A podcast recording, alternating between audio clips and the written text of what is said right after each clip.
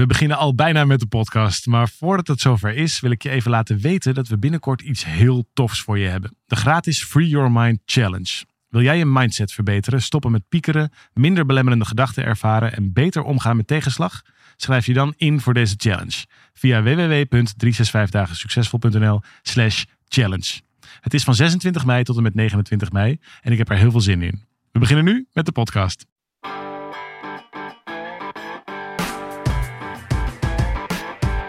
Harte welkom bij deze podcast van 365 dagen succesvol.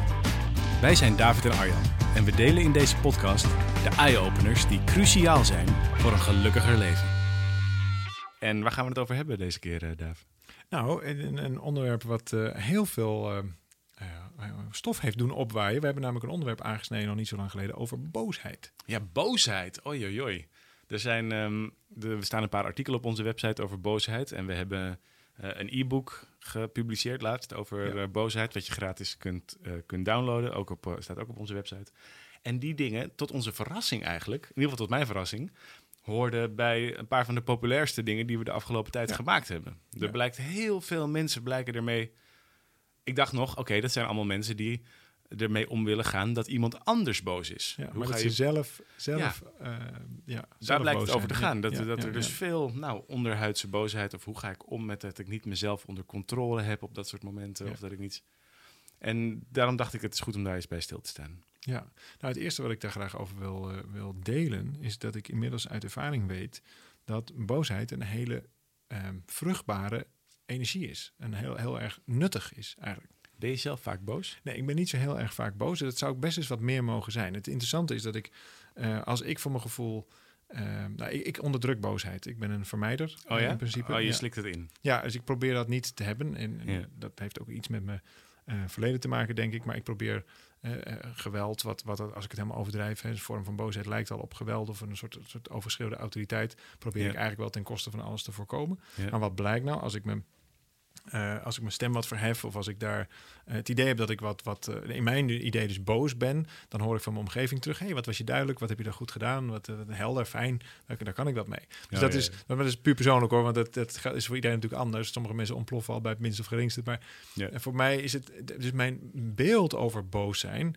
ehm, eh, is dus heel anders dan hoe anderen het zien. En dus in mijn geval heel vruchtbaar. Jij ziet het als iets positiefs. Nou, eh, ik voel het nog steeds niet zo als iets positiefs, maar het helpt wel dat ik weet dat de energie van boosheid, ook hier weer, we hebben het wel eens eerder gehad over dat je pijn kunt leiden met een andere ei. Dus dan ga je je pijn eigenlijk begeleiden ergens naartoe. Zo ja. kun je ook je boosheid ergens naartoe begeleiden. En dus als je zeg maar ontploft en, en daarin de controle kwijtraakt, ja, dan maakt het over het algemeen meer stuk dan je lief is.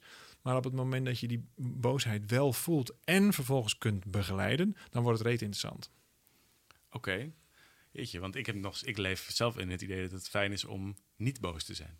Vanuit, vanuit een soort. Je, ik vond het heel inspirerend dat bijvoorbeeld eh Boeddha heeft volgens mij wel eens gezegd dat boos zijn op een ander is zelf de gifbeker leeg drinken en dan hopen dat de ander sterft. Ja, ik ken het, ja. Mooi is dat, ja. Eh, of eh, wat is het, hete kooltjes eh, naar een ander willen gooien en dan zelf je Vingers branden. vingers ja. branden. Ja, en dat, dat snap ik. En dat is heel erg naar buiten toe geprojecteerde boosheid. Ja. Het helpt denk ik als je weet dat je eigenlijk helemaal niet boos bent op die ander. Ah, oké. Want dan, speelt, dan krijg je een heel ander soort ehm, Precies. eh, dynamiek en een heel ander soort oplossing ook. Ja, daarvoor. want je bent namelijk niet boos op die ander. Je bent boos op het beeld van die ander. Hè? Jouw verwachting bij de situatie. Ja. Als ik boos ben op jou, nou het gebeurt niet zo heel vaak, maar stel dat ik boos ben op jou, dan, dan heb ik een beeld van jou. Dat is helemaal niet is wie echt lang geleden dat je voor. Dat je, wanneer was je voor het laatst nou echt Dat boos op ik mij? kan niet eens meer herinneren. Maar goed, stel dat dat zo... Hey, we proberen je toch een, een nuttig voorbeeld te geven. Maar stel dat ik boos zou zijn. Ja. Oké, nou goed. Maar dat ik en, en, en echt, echt kwaad of boos of iets, iets van... Voor, oh, ik heb je iets aangedaan of, uh, of whatever. Of jij hebt mij iets aangedaan. Waarschijnlijk dan de reden groter dat ik boos ben. Je hebt me iets aangedaan. Dan is er een mismatch tussen wat ik van jou had verwacht... en hoe de werkelijkheid op dat moment in elkaar steekt. Klopt. Ja. En waar zit die werkelijkheid? Waar zit die verwachting? Eigenlijk twee keer in mijn hoofd. Ja. Ik heb namelijk een beeld van hoe ik denk dat het gegaan is. Nou, één ding weet ik zeker, het is nooit allemaal precies zo gegaan. Dus Nee. dat is, ook dat is weer alleen een maar je ingekleurd beeld. waarneming. Dat is mijn waarneming. Ja. En vervolgens ha- had ik een verwachting. Dat is per definitie mijn waarneming. Of mijn, mijn, mijn idee daarover. En Klopt. dus waar ben ik nou echt boos over? Dat speelt zich dus af in mij. Dus dit, ja, voor- voorkomen dat we het heel filosofisch maken of, of eh, esoterisch, maar bestaat jij wel echt? Of besta je alleen maar bij, eh, vanuit mijn perspectief gezien dan, of besta je eigenlijk alleen maar als een beeld in mijn hoofd? Nou, ik denk eigenlijk dat dat het laatste is. Dus ik maak iets van jou in mijn hoofd per definitie. Want ja, ik neem jou waar door allerlei filters, door allerlei aannames, door allerlei. Want ja, ik kan je nooit helemaal, helemaal kennen. Laat staan dat jij jezelf helemaal, helemaal kan kennen. Dat lukt eigenlijk ook niet. Met andere woorden, het is altijd opgebouwd uit gedachten, gevoelens, emoties, filters enzovoort. Ja. Vervolgens past dat beeld van jou niet bij de werkelijkheid die ik dan weer waarneem. Mhm. Dus waar ben ik nou eigenlijk echt boos op? Helemaal niet op jou, maar op dat beeld Ja. van jou, wat Ja. ik heb gemaakt. Ja. En als je dat dan nog een, een slag door vertaalt, ben ik eigenlijk boos op mijzelf. Want dat doe ik namelijk zelf. Nou, hier is wel wat ego wat, wat aan de kant moet om dit echt te kunnen eh, beseffen. Samengevat, kun je alleen maar boos zijn op jezelf? Ik denk dat. Ja, Het bestaat niet om boos is. te zijn op een ander. Dat denk ik eigenlijk. Omdat die ander namelijk als zodanig niet bestaat. Ja. Die bestaat alleen maar bij jouw waarneming en daarmee is die alweer van jou. Precies. Het, is wat, wat, het gaat wat diep misschien. En je moet nou, je zegt zo zonder, jij zei net eh, zonder het te filosofisch te maken. Maar Ja. ik vind het zelf altijd wel leuk als het wel wat filosofisch is. Omdat ik weet dat bijvoorbeeld een van de eerste die hier uitgebreid over schreef, dat was toevallig een grote filosoof. Dat Mhm. was eh, Seneca. Dit was een van de Stoïcijnen. Die leefde eh, eh, nou, eh, vlak na, vlak na Ja. eh, de, de begin van de jaartelling.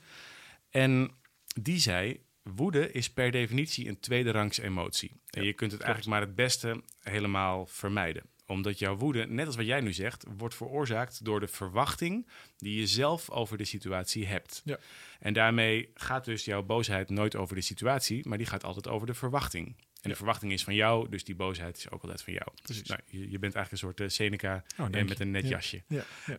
En, ehm, en misschien had hij ook een baard. Dat, ja, dat weet ik Waarschijnlijk, ik eigenlijk- hebben dat toch niet. Maar wat, wat hij er achteraan zei, en dat vond ik wel heel interessant omdat het daarop voortborduurt, is dat welgestelde mensen, maar mensen met wie het goed gaat, Mhm. zijn ook vaker boos dan mensen met wie het minder goed gaat. Oké. Omdat was zijn, eh, ik bedoel, dit moet je plaatsen in het eh, Mhm. Athene of wanneer, waar Ja, was het van, Ja, eh, ja. van 2000 jaar geleden. Maar hij zegt omdat de verwachting van mensen met wie het goed gaat ook nou eenmaal vaak hoger is. Want ze hebben al gezien om, zich, om hen heen dat het resultaat van hun leven is gunstig in veel gevallen. En dus verwachten ze keer op keer op keer dat het gunstig zal zijn. Dat de wereld eigenlijk in dienst staat van hen. En helemaal niet per se een hele bewuste gedachte waarbij je wil dat iedereen jouw slaafje is. Ja. Maar wel waarbij je eraan gewend bent geraakt dat het gaat zoals jij denkt dat het zal gaan. Waarbij het En dus heb je vaker op zal- teleurstelling. En dus dat ben je vaker teleurgesteld, ben je vervolgens vaker ehm, eh, eh, ehm, boos. Ja. Dus hij zegt zelfs, boosheid is een bijproduct van welvaart. Hoe beter het gaat, hoe vaker de kans dat je boos bent. En daarom kun je maar beter wat minder verwachten van de wereld. Hoe zie je dat dan? Nou, interessant. Ehm, ik, ik denk dat het tijdsgevricht wel ietsje anders is. Dus dat moet je dan even vertalen naar hier. Ik zie Ja. ook wel... ehm, ik zie over het algemeen minder bedeelde mensen eh, meer boos zijn in, in deze tijd. Vooral in gevecht met het niet begrijpen. Dus woede is, een, is, eh, is vaak eigenlijk een vorm van machteloosheid.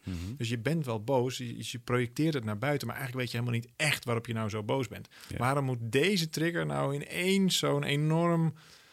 eh, Nee, je begrijpt jezelf niet. nou, ze zeggen wel eens dat als er eh, ruzie gemaakt kan worden in relaties, bijvoorbeeld, als er Ja. echt veel boosheid plaats kan vinden, dat het ook een compliment is voor de relatie. Het is veilig genoeg voor ruzie. Blijkbaar is het veilig genoeg voor ruzie. Nou, ook Ja. daar zitten natuurlijk weer allemaal haken en ogen aan. Maar er is wel een aardig voorbeeld van een vriend van ons, jij kent hem, die dan eh, in een restaurant zit en, en een, een belangrijke eh zaken businesspartner komt, komt binnen en die gooit per ongeluk eh, de wijn om. En, en, en, en hij zegt eh, over hem. En hij zegt, oh sorry, dat geeft niks. En hij met een doekje dept hij het af. Natuurlijk hartstikke vervelend, maar Ja. niks aan de hand. En tien minuten later zitten ze gewoon weer te kletsen en no problem. Ja. En vervolgens is hij een dag later zit hij thuis en zijn kleine meisje komt op hem afgerend, gooit zijn wijn om terwijl hij daar rustig zit en hij schiet helemaal uit de pan. Hm. Hoe kun je nou zo dom zijn? En, en nou goed, zo. Hij gebruikt dat in een, in, een, in een mooi voorbeeld, maar het zijn eigenlijk twee identieke situaties. Ja. Waarbij de ene is die helemaal ontploft en bij de andere is eigenlijk niks aan de hand. Ja. Dus het gaat niet over de situatie. Nee, het gaat, het gaat volgens mij helemaal niet over de situatie, maar het gaat natuurlijk wel over het onderliggende patroon. Dus het idee van, van dat het een secundaire emotie is, daar ben ik het volledig mee eens.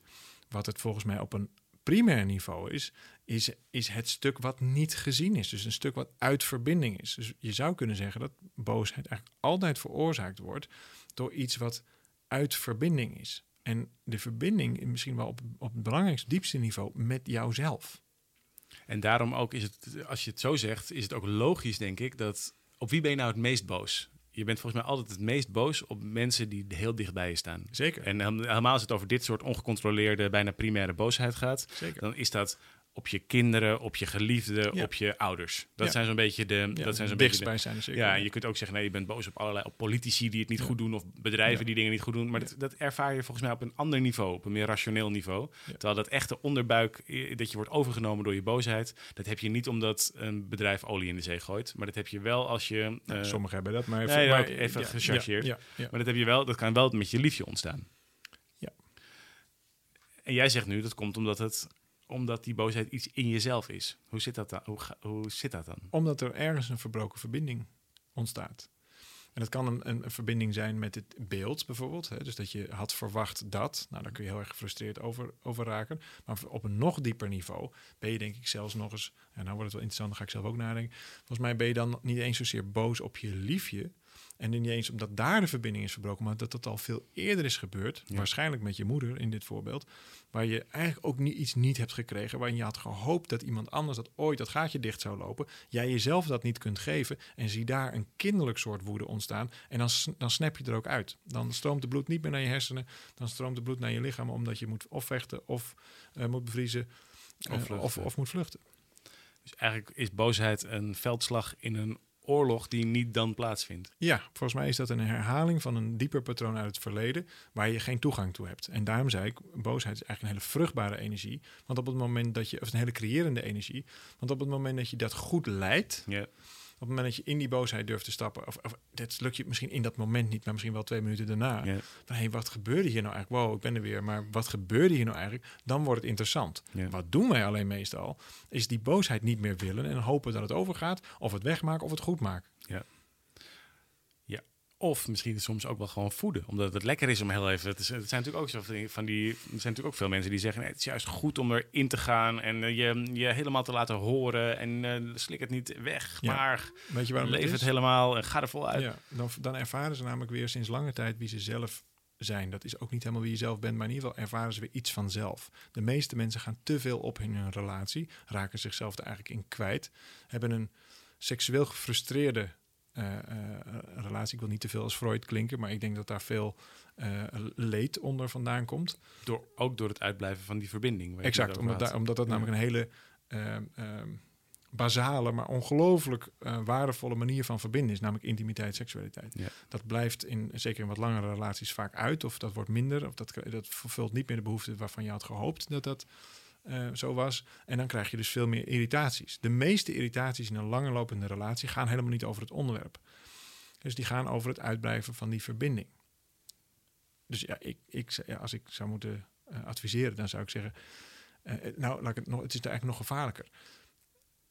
Onbewust hebben veel stellen daarna de zogenaamde goedmaakseks. Ja, dus er komt beloning op boosheid. Er komt beloning op boosheid. En zo'n relatie heb ik ooit zelf gehad, lang geleden. Het is echt een, eh, nou ja, ik, zie- ik zie zo'n rollercoaster op, Exact. eh, op en Dan neer. maak je, en dan worden de pieken dus hoger en Ja. de dalen worden dieper. En dan krijg je een hele vervelende Dat is een kartelmes uiteindelijk. Ja, zo'n kartelmes waar in het gemiddelde dus nul is. Dus eigenlijk geen groei. Ja. En heb je elke keer weer die... En je laat het gewoon oplopen, maar ondertussen word je daar wel op beloond. Dus als je Het is dat een heel testosteron gedreven relatie eigenlijk. Ja, zou je kunnen zeggen. Als je, ehm, als je het omdraait, dus je, je zorgt dat je de verbinding herstelt op de plekken waar het echt hersteld moet worden. En dat is by the way nooit tussen elkaar, maar dat is met iets wat eerder al heeft plaatsgevonden. Dus dat Ja. is een import in die relatie. Als je daar de eh, verbinding op herstelt, dat hoeft helemaal niet per se met die persoon in kwestie echt zo te zijn, maar dat je dat durft te onderzoeken in het bijzijn van die ander, Ja. dan krijg je een ontzettende diepe verbinding met, met je partner. Vervolgens, als je dat dan eh, als je weer werkt aan intimiteit, dan zal die boosheid uitblijven. En dan is het helemaal niet zo'n eh, ehm, nou ja, een, een cadeau wat gevierd moet worden, omdat er weer iets gefixt moet worden. Maar goed, dan wordt het in ieder geval nog een soort van gefixt. Ja. Maar wat ook bij veel mensen gebeurt, is dat boosheid wordt weggeslikt. En daar krijg je uiteindelijk hele vervelende eh, eh, en ook hele ongezonde, giftige structuren van. Er zijn zelfs mensen die zeggen dat je ziek kunt worden daarvan. Geloof, Geloof je dat? meteen. Geloof Oh ik ja? meteen. Ja. Ja. dat je boosheid, onderdrukte boosheid, dat je daar eh, dat je dat opslaat. Ja, zeker. Nou, dat, eh, eh, voel maar aan een, aan een gespannen nek. Of je, je, je lichaam reageert bij al die emoties. Dus op het moment dat je die boosheid ook echt ervaart of onderdrukt, ja, dan gaat het natuurlijk ergens gaat dat zich opkroppen. Ja. En wat ik een van de, van de, misschien is je dat ook wel eens opgevallen, maar een van de mooiste dingen van onze seminars bijvoorbeeld vind, is dat mensen er zo anders uit gaan zien na het volgen van zo'n seminar. na een tijdje. Alsof er een jas van ze is afgevallen. Hun, hun ogen staan anders, er zit een glimlach op hun gezicht, ze lijken wat meer kleur te krijgen. Het is, het is allemaal Meer wat ontspannender. zo. ja. En ik denk dus dat het lichaam ook aan de positieve kant heel fysiek eh, meereageert. Ja. Mensen, sommige mensen zien er echt tien jaar jonger uit. Ik denk Ja. dat we daar nog eens iets mee moeten doen. Ja. plastische chirurgie zonder snijden of zo. Het is echt, nee, maar dat, dat, dat- omdat er een bepaalde basis ontspanning in komt. En boosheid is natuurlijk die vorm van, van spanning. Maar nogmaals, woede aan zich, uit woede, uit, uit die...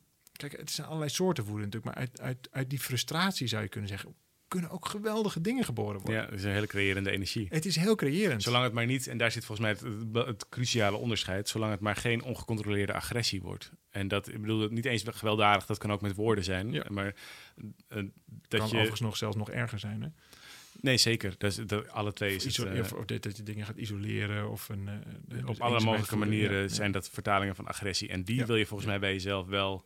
Dat wil je gewoon Dan niet. ben je niet aan dat het wil je gewoon leiden. niet Dan doen. ben je aan praktiseren. exact, maar dat, dan word je dat- overgenomen Ja, daardoor. dat, dat wil je niet doen. En dat is ook niet het betoog. Dus als jij zegt boosheid kan heel krachtig zijn, gaat het niet over dit soort dingen. Want dan ben je eigenlijk te laat. Toch? Dan, gaat het, voor- dan heb je, het, dan heb je Heb je deze een andere energie, vorm aangegeven. Precies, Kijk, je bent, destructieve vorm gegoten. je bent eerst boos en dan komt er gedrag aan. Ja. Nou, dat is dan secundaire emotie, dat hebben we al vastgesteld. Ja. Ehm, dat bleek al heel lang geleden al eens vastgesteld te zijn. Daar kunnen we mooi op door. al, Mooi. nou, filosoof. Ja, dus we hebben, ehm, we hebben vastgesteld dat boosheid een secundaire emotie is. Ja. Nou, maar, maar ondertussen is hij er toch. Ja. Nou, dan kun je twee kanten op. Je kunt die boosheid gaan leven. Dat zeggen we, dat kun je beter niet doen, want dat Nee. maakt over het algemeen meer kapot dan je Destructie. lief is. Ja. Daar heb je waarschijnlijk een paar minuten voor nodig, maar nooit langer dan een paar minuten. Daarna wordt het een keuze. Je hebt altijd een helder moment in dat soort, in dat soort dingen. Weet je wat het best blijkt te werken Nou, op dat soort momenten? Tot tien tellen. Ja, maar echt. Het is een hele, het is natuurlijk een beetje, het is bij- het is echt zo, bijna een kinderlijke oplossing, maar uitstel van escalatie leidt bijna altijd tot afstel van escalatie. En dan, dan kun je namelijk de energie, door gewoon even tot tien te dat je als je het opvoelt komen in je lijf, van, dat je zin hebt om met kopjes te gooien. Of Ja. mijn liefje heeft wel eens een keer in boosheid mijn hele ontbijt met bord en al van het balkon gegooid. Omdat, ze verhaal, omdat ze zo boos Heeft ze wel eens aan mij verteld. Jij, jij denkt dat meeviel, maar dat viel niet mee. Ja, Ja, ze was heel, ze was heel boos. En En terecht trouwens. Maar goed. Ja, dat weet ik niet meer. Maar het, eh, oh, je weet ook nog waar het over Zeker. ging. Oh, dat weet ik. Oh, dat weet ik niet meer. En, ehm, en ik denk dat als ze even tot tien had geteld, had ik gewoon tenminste mijn broodje kunnen opeten. ja, dus als de ander zeg maar... Nou, het, eh, wat, wat interessant is, ik, ik geef veel uh, ceremonies En dat is een grote passie van mij. En ik heb de eigenschap om die dingen vrij heet te gieten. Ja. En is een soort natuursauna-achtig iets. Hete stenen komen in een, in een donker tentje. En dan nou goed, giet ik daar water over. Zijn we met mensen bij elkaar. Lang verhaal, doet er nu niet toe. En het gebeurt regelmatig dat mensen die daar voor het eerst inkomen... Uh, daar in de eerste ronde, het gaat in een aantal rondes, daar behoorlijk van in paniek schieten. Dus dan krijg je iets als stop, ho, help. Ja, ja nou, ik, zeg altijd, ik zeg altijd van tevoren van ga niet, uh, ga niet bewegen in die hut. Dat is, dat is gevaarlijk, het is donker, die stenen zijn hartstikke heet. Uh, nou, en dan, en dan stop ik de ceremonie. En dan, dan doen we de, de, de, de, de dekens open, de klep gaat open. En dan komt er wat koude lucht binnen. De, de warmte is meteen weg. Ja. En dan tel ik altijd tot negen. Zeg ik ook, je negen seconden gaat nu in. Ook om de veiligheid. Hè? De warmte ja. moet eruit en, en, enzovoort. Zuurstof erin. Ja, en dan vervolgens vraag ik aan ze, wil je hier echt uit? En ze zeggen, uh, nee hoor. Ja. Nee, ik wil er echt. 9 van de 10, if not 10 van de 10, ja. wil er dus eigenlijk helemaal niet uit. Die 9 seconden zorgt ervoor dat je dus niet die paniekreflex Volgt. gaat leven en volgen.